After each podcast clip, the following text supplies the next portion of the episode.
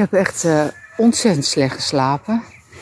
Ik werd wakker omdat ik het heel erg koud had. Niet zomaar koud, maar echt koud tot op het bot van binnenuit.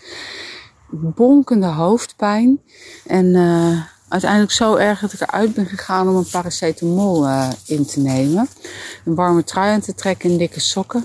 Ben weer teruggegaan in bed. En nou, ik weet niet of ik nou nog echt heb geslapen, maar ik kreeg het op een gegeven moment in ieder geval heel erg warm.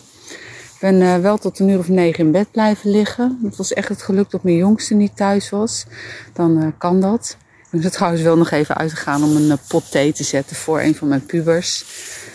Op de ene manier vind ik dat dan toch weer fijn dat hij met iets warms in zijn buik de deur uitgaat. Ben een blijve moeder. Maar goed, um, vervolgens dus toch mijn bed uitgegaan. En um, ja, als ik erover nadenk, klinkt het misschien een beetje raar. Maar ik ben bomen gaan planten. Boompjes. En ik sta hier nu nog een perenboompje te planten. Ik heb inmiddels volgens mij acht bomen geplant.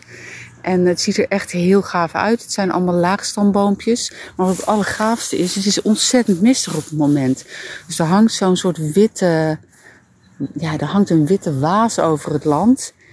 En um, met mist is het, dat, uh, mist is mysterieus. Mist, mysterieus. Nou, letterlijk is uh, mist uh, mysterieus. Het heeft iets um, geheimzinnigs. En uh, je kunt mij wel zien als je aan de andere kant van het land staat, maar je moet wel heel goed kijken. Hé, hey, Bruin, hier blijven. Nou, de hond wilde er eventjes uh, vandoor gaan. Ja, want die weet dat bij een van de boerderijen verderop uh, er altijd kattenvoer staat. En hij dat kan opvreten.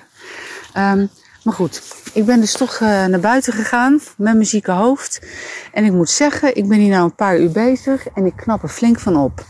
Mijn koppijn is er nog, maar uh, mijn lijf uh, voelt inmiddels weer wat beter.